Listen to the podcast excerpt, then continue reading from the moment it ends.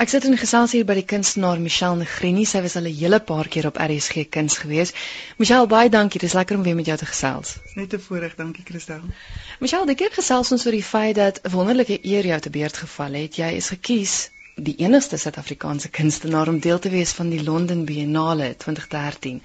Hoe dit gebeur?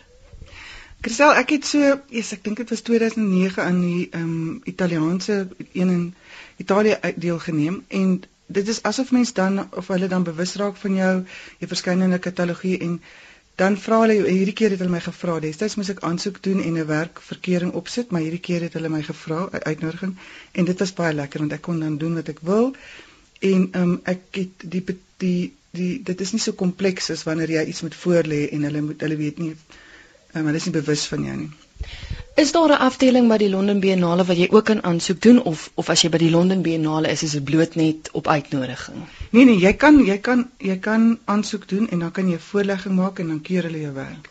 Maar die keer is jy nog gevra. Dit is my baie lekker want hierdie keer kon ek doen wat ek wil. So dit's baie makliker om te skilder as jy weet daar's nie iemand wat gaan dophou of keur of dit want jy skilder heeltemal anders dan. So hierdie keer kon ek doen wat ek graag wou doen. Wat is die voordeel om deel te neem aan 'n biennale vir alles dit nou soos jy genoem het oor see is en nou spesifiek in Londen? Ek dink die voordeel, ek dink veral in Londen waar mense wel die taal kan praat, Italië was moeiliker. Ehm um, veral met die openingsgeleentheid ehm um, is daar is daar geweldig baie wat noem mens dit networking? Wat is networking Afrikaans? Maar in elk geval, ehm um, jy word voorgestel in gallerye, daar word baie baie hulle hulle bemarking is geweldig groot. So ehm um, jy word blootgestel aan aan baie mense met wie jy andersins nooit sou meng of on, jy weet wat jy nooit andersins sou ontmoet nie. Ehm um, ek dink net ehm um, they take note.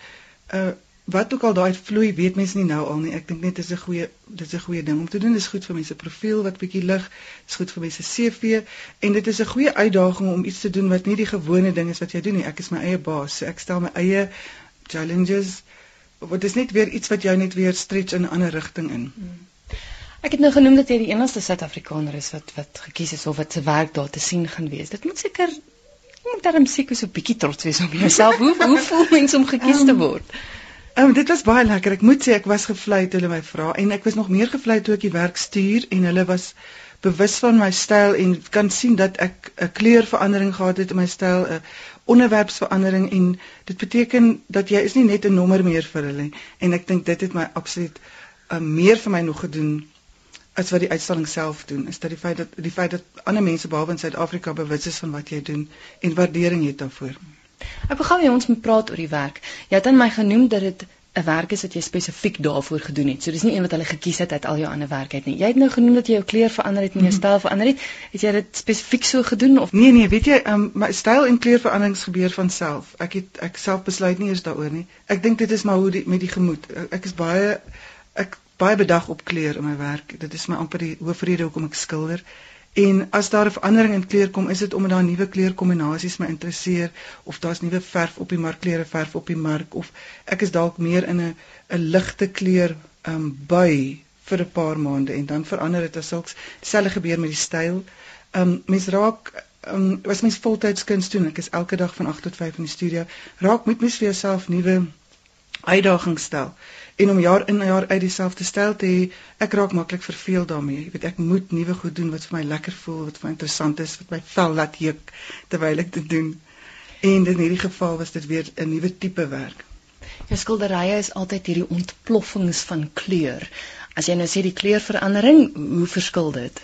Ek dink is nog steeds um ontploffings van kleur. Hierdie spesifieke werk het ek myself baie beperk. Ek het verskillende um skakerings van rooi gebruik, baie rooi dit lyk soos bloedvlekke of moerbysapvlekke of dit is um, gewoonlik het ek al die kleure saam met ek geweldig baie kleure bymekaar maar hierdie in hierdie geval het ek myself beperk tot swart en dan die rooi wat vir my nogal 'n uitdaging is ek dink ek het een ligblou kolletjie erns laat val um, maar um, dit is vir my 'n uh, 'n uitdaging geweest om dit te doen die tema is drie voels wat um, besig is om aan 'n prooi te, of te verskeur aan 'n prooi. Ek weet nie wat presies wat dit is nie. Ek kan self nie uitmaak nie.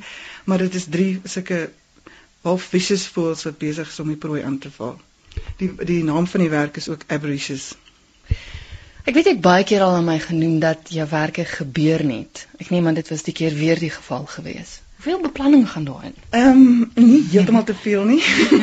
Ehm um, want dis ek ek werk baie op die element van toeval. Dis my nogal belangrik. Jy weet as daar toevallige verspatsel gebeur of die daar water op die werk geval, sal ek altyd eers kyk of dit nie ek so bydra tot die werk nie. Ehm um, so ek beplan nie veel nie. In hierdie geval wat gebeur het, ehm um, hulle het vir my afmetings gegee vir die werk. Ek het dit verkeerd gelees en die eerste werk was te groot. En toe moes ek 'n nuwe werk maak en toe was ek um, ek was in die hospitaal vir 'n longinfeksie vir ding. En toe het ek baie min tyd oor gehad om te werk aan hierdie werk. En toe moes ek terwyl ek in die hospitaal actually sit en uitdink wat ek gaan doen hierdie keer want daar was te min tyd om net daaraan te kom en dit kan vergeet verkeerd gaan hulle nou vir my tweede kans gegee. En toe het ek min of meer gedink in watter rigting wil ek gaan, die energie wat ek daar agter wil hê, tipe van nie die kleur bepaal nie, maar ek het net half die energie daarvan in my kop bepaal. En toe ek begin werk, toe gebeur dit net. Dis een ek was regtig gelukkig in hierdie geval dat die werk net gebeur het. Dis nie 'n vreeslike lang biennale nie in vergelyking met van die ander. Weet jy al wat jy kan verwag as jy gaan?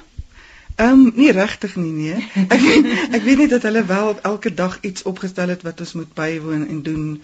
Ehm um, dan kom die meier van die en dan daai wat wat vir my eintlik die lekkerste is, die Vrydag aand het hulle 'n uh, eh, bootrit op die Theems wat van die dag oor na die aand dat jy die teems in die dag en in die aand kan beleef. En blykbaar is dit een van die die boot waarop Catherine se familie gery het um, met die Jubilee. Ehm um, so dit is nogal ek te sien uit daarna. Ehm um, die res is gewoon formele goed waarmee ek nie heeltemal so goed is nie. jy het 'n vol jaar wat voor lê. Miskien nog so 'n paar hoogtepunte van dinge waarby jy betrokke um, is. Ja, dit is eintlik nogal 'n diverse jaar. Ek het in in die begin van die jaar ehm um, is ek betrokke by die Johannes Kerkorrel show genaamd Die Hart is 'n eensame jagter waarvan ek die artistieke regie doen en dan ook Karen Hougaard se vertoning wat sy gaan hê. Dis die eerste keer in 4 jaar wat sy in Suid-Afrika gaan 'n vertoning hê met haar nuwe album Alien Sky. Ek was daarbey betrokke.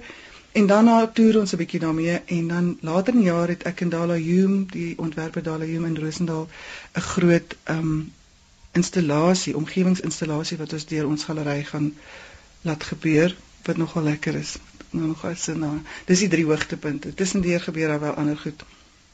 Wel 'n jaarskop af op hoogtepunt, so ek kan nie dink dat hy nog beter gaan raak nie. Baie dankie Christa.